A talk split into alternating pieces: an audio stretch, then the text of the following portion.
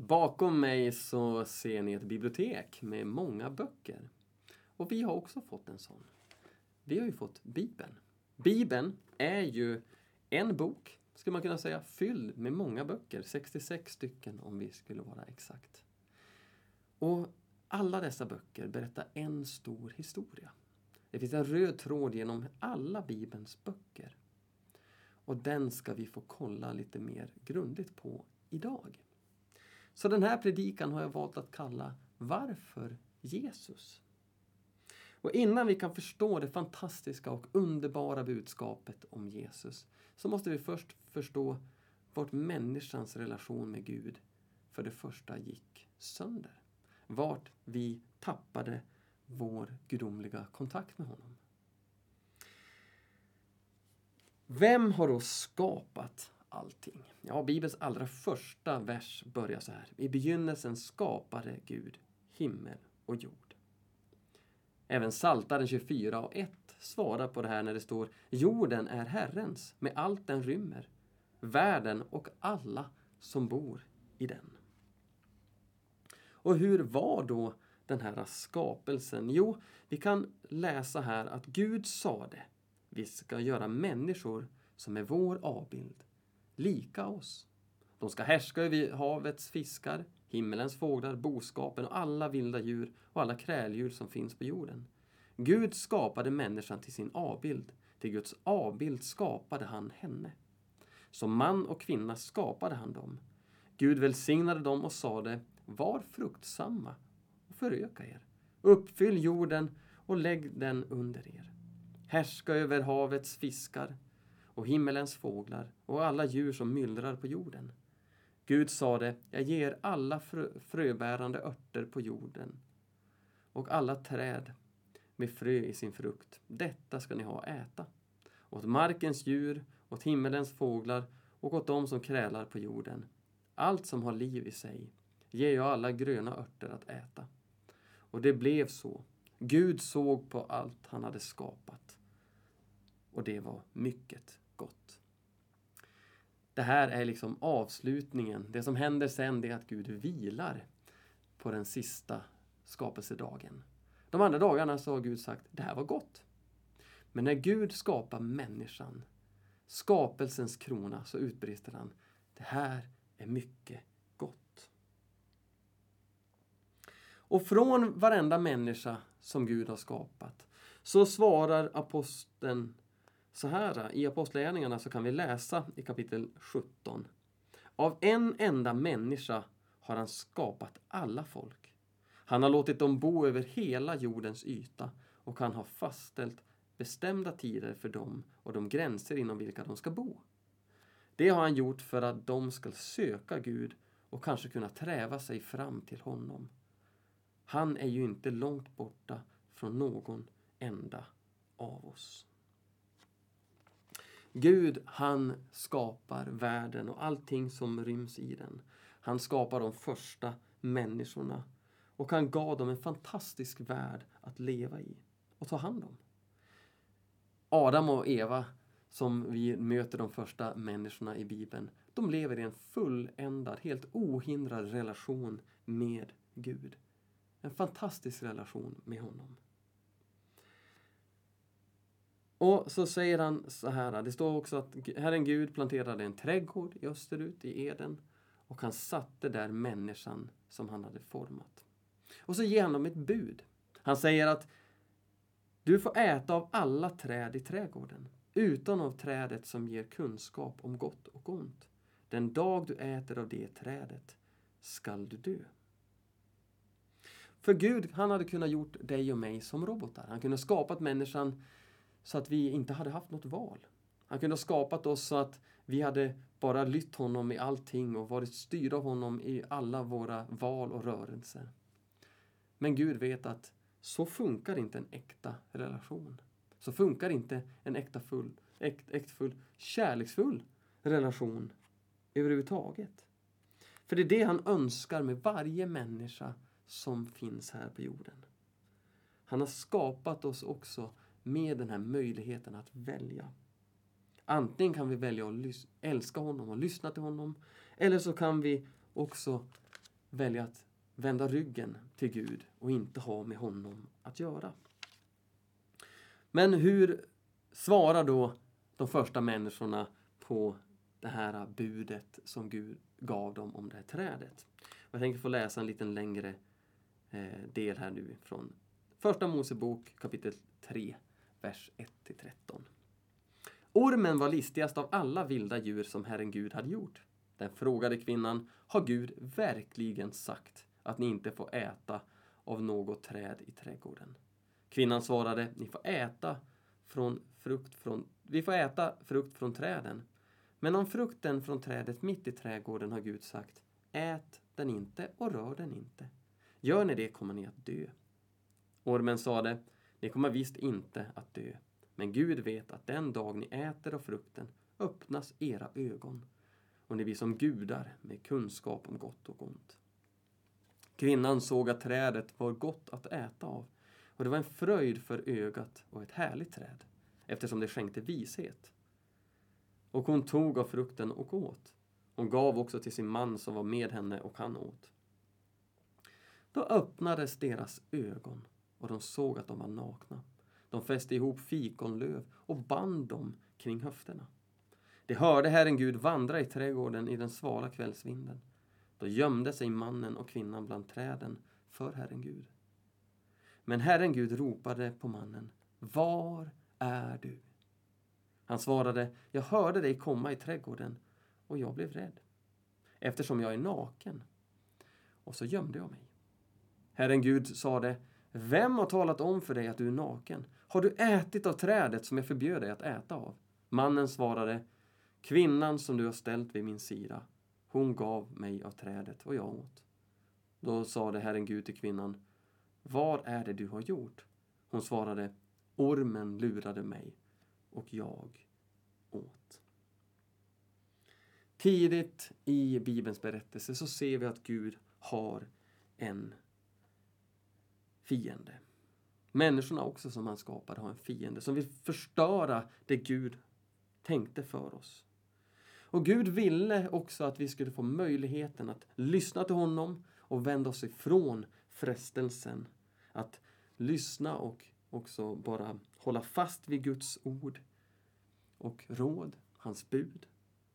Men Adam och Eva, de åt av det förbjudna trädet som gav kunskap om gott och ont. De valde att inte lyssna till Gud och lyssna egentligen och lyda en annan Gud som lockade dem. Och de gav efter frestelsen. Och vad, hur känner de då? Och hur reagerar de efter det här beslutet? Ja, texten säger att de kände sig nakna. Alltså, de kände skam. Det står att de gömde sig för att de också kände skuld inför vad de gjorde. Och de blev rädda. De kände rädsla över hur blir det nu? Kom det någonting gott utav att lyssna till ormen? Och svaret blir ju kanske nej. Ingenting gott kom ut av det. Och vad är då Guds respons i det som hände? Vad är det han säger till Adam? Jo, han säger Vart är du? Vart är du? Alltså när människan inte lydde Gud så letade Gud efter hans älskade barn. Och man kan se i responsen av den här historien så kan du se att i naturen hos människor så är det att gömma sig. Men i karaktären hos Gud är det att söka. Och det är någonting som kommer att följa hela Bibeln sen. För saker har inte hänt så mycket det har inte förändrats mycket sedan begynnelsen. Efter tusentals år och så mycket ondska så är det fortfarande så att människan gömmer sig från Gud istället för att söka sig till honom. Och Det här är vår startpunkt för att förstå varför Gud vill göra någonting med våra liv, varför han vill gripa in i den här historien. Och så läser vi också hur Adam och Eva försöker dölja upp det, sina misslyckanden, sina fel, sin synd genom att täcka sig själv med fikonblad.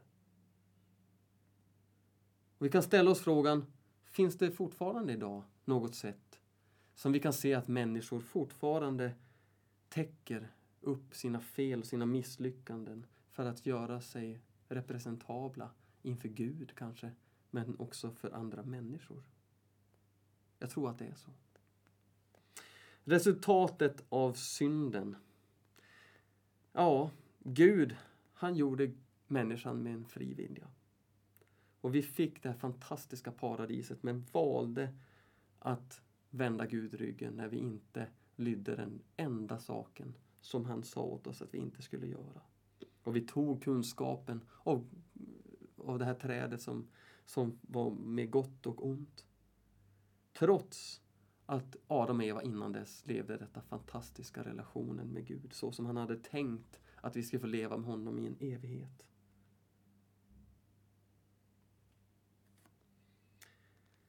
Och vi kan se hur det här brukar Luther i alla fall lyfta fram och vår kyrka brukar lyfta fram det som arvsynden. Alltså här kom synden in. Och det har smittat av sig på alla människor. Innerst inne så brukar människor säga, men då är han väl god. Men jag tror inte att det är så. Jag tror att innerst inne så är vi inte goda. Utan innerst inne så är det våran egoism som styr oss. Det är våran självhävdelse, det är vårt högmod. Ju mer vi försöker bara se till oss själva, så ju mer själviska blir vi. Och därför så tror jag också att vi alla kan på något sätt relatera till den här historien.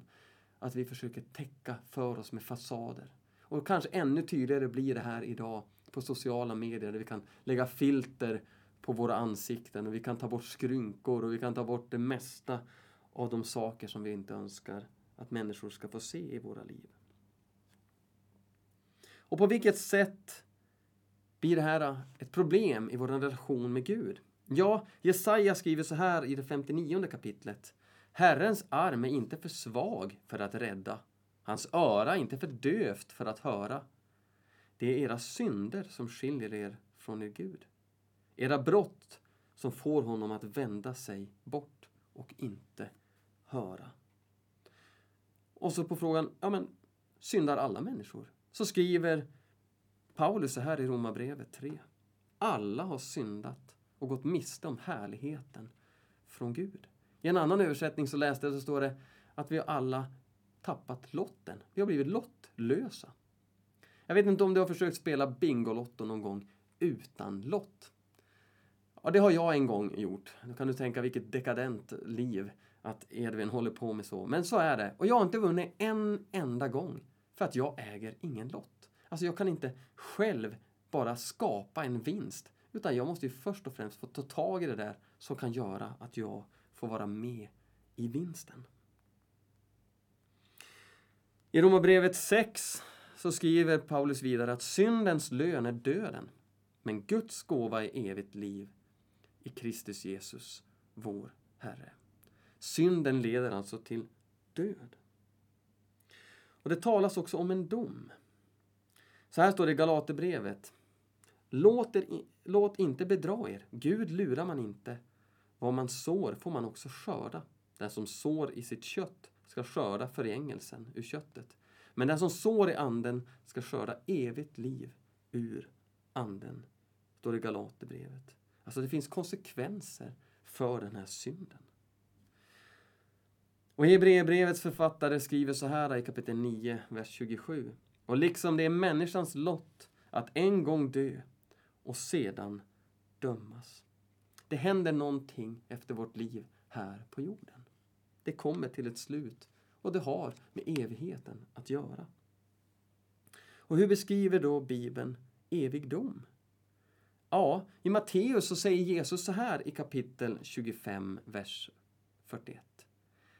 Sedan skall han säga till dem som står till vänster. Gå bort från mig, ni förbannade, till den eviga eld som väntar djävulen och hans änglar. Och jag vill också läsa från, från Uppenbarelseboken, från det 20 kapitlet, vers 11 15. Det står Och jag såg en, vit, jag såg en stor vit tron och honom som sitter på den och jorden och himlen fyllde inför honom flydde inför honom. Och det fanns inte längre någon plats för dem. Och jag såg de döda, höga och låga, stå inför tronen och böckerna öppnades och ännu en bok öppnades, Livets bok. Och de döda dömdes efter vad som än som stod i böckerna, efter sina gärningar.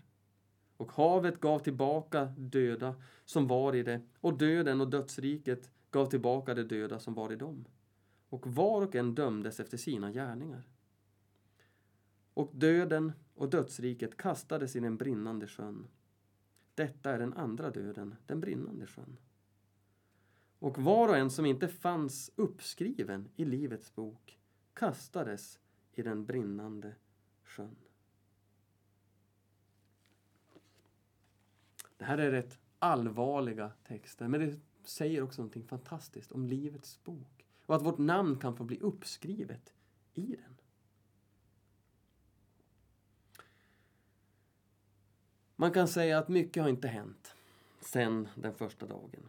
Våra, det som hände var att när Adam och Eva sa nej till Gud, vägrade att lyda honom, så ändrades våran relation. Gud förblev helig.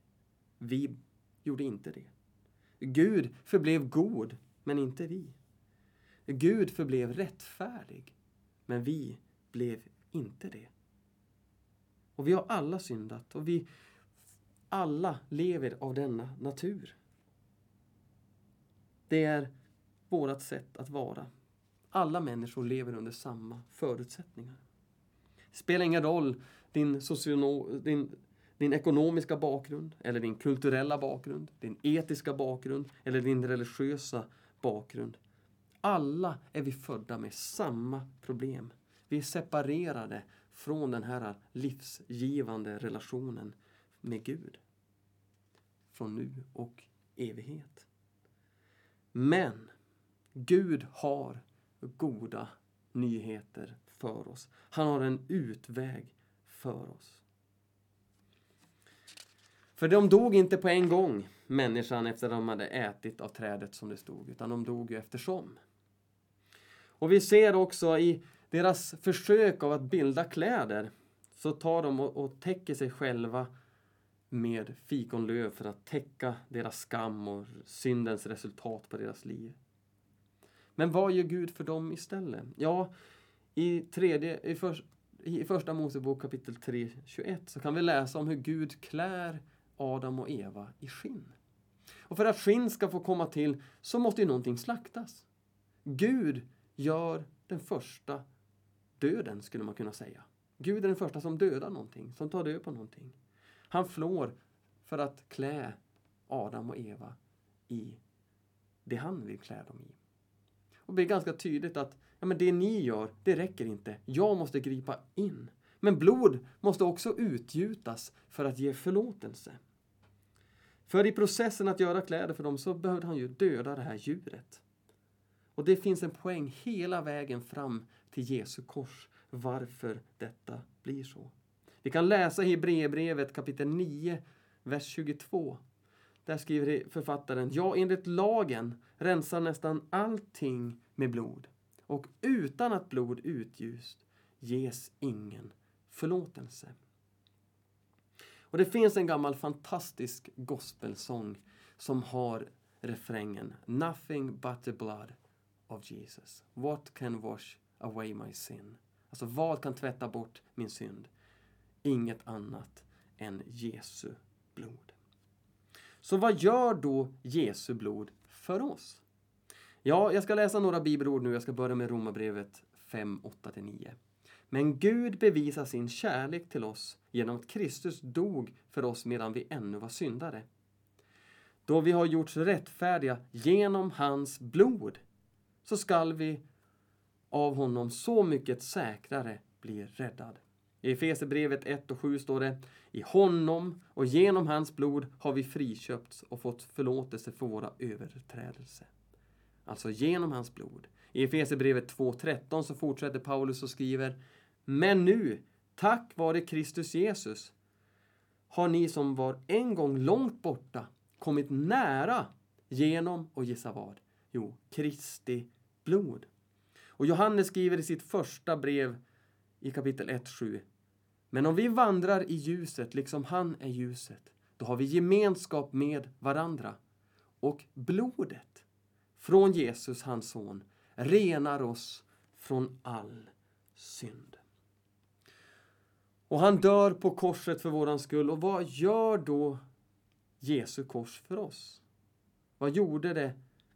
Eh, vad gjorde Jesus på korset för oss? Ja, jag ska läsa två bibelord. Det första är hämtat från första Petrus brev kapitel 2, 24.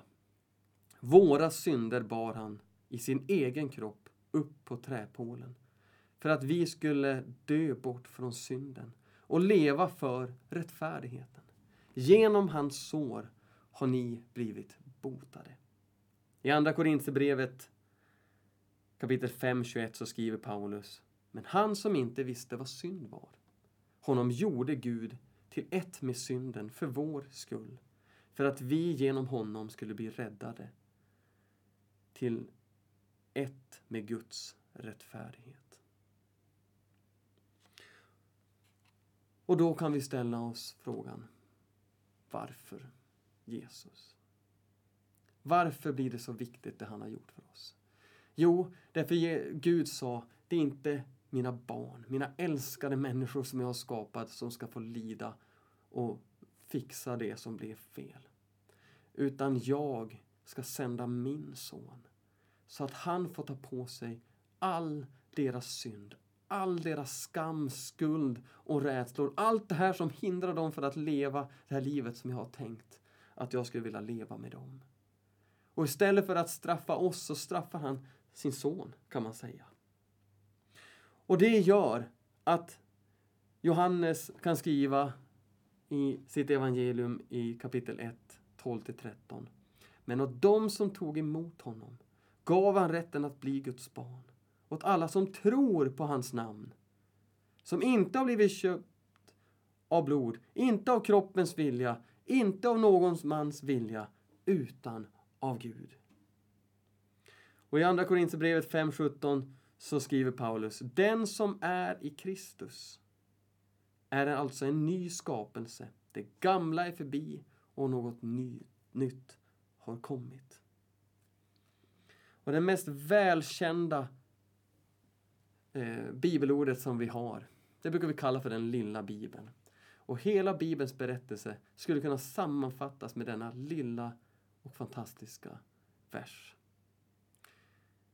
Det är två verser. Det är i Johannes kapitel 3, 16 till 17. Allt det här som vi har pratat om nu, det kan sammanfattas i det här. När vi läser Bibeln så måste vi komma ihåg att det här är berättelsen den vill berätta. Det kan absolut tala till oss i vissa specifika punkter och så. Men hela tiden så är det det här vi prövar emot. Vi prövar emot varför Gud sände sin son. Och det här är Jesu egna ord. Han säger så här, så älskade Gud världen att han gav den sin enda son för att den som tror på honom inte ska gå under utan ha evigt liv. Ty Gud sände inte sin son till världen för att döma världen utan för att världen skulle räddas genom honom. Det står inte att det handlar om hur mycket du har kämpat eller hur mycket du har täckt över din egen synd. Utan det står om att om du tror på honom så skall du få ta emot evigt liv. Så blir du alltså skriven i Livets bok. För det som sätter ditt hopp till honom, som sätter din tro till honom och vill vandra med honom. Till Gud sände inte sin son till världen för att döma världen. Det är många som tror att Gud först och främst kommer för att döma världen. Men Jesus säger själv, nej men han sände sin son för att rädda den. Inte för att döma den. Ja, en dag kommer Jesus tillbaka för att döma levande och döda. Det säger vi i vår trosbekännelse. Men först och främst så kommer han för att rädda världen. Som det står, utan för att världen skulle räddas genom honom.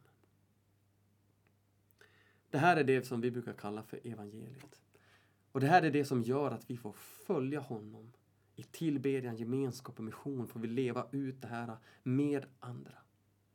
Inte på grund av vad vi ska göra för honom som de andra religionerna säger att vi måste göra inför gudarna eller guden.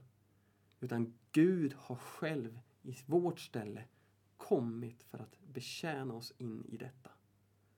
Och det gör att vi också vill leva ut det här. Kanske finns det någon i din närhet som aldrig har hört talas om vad det innebär att vara en kristen.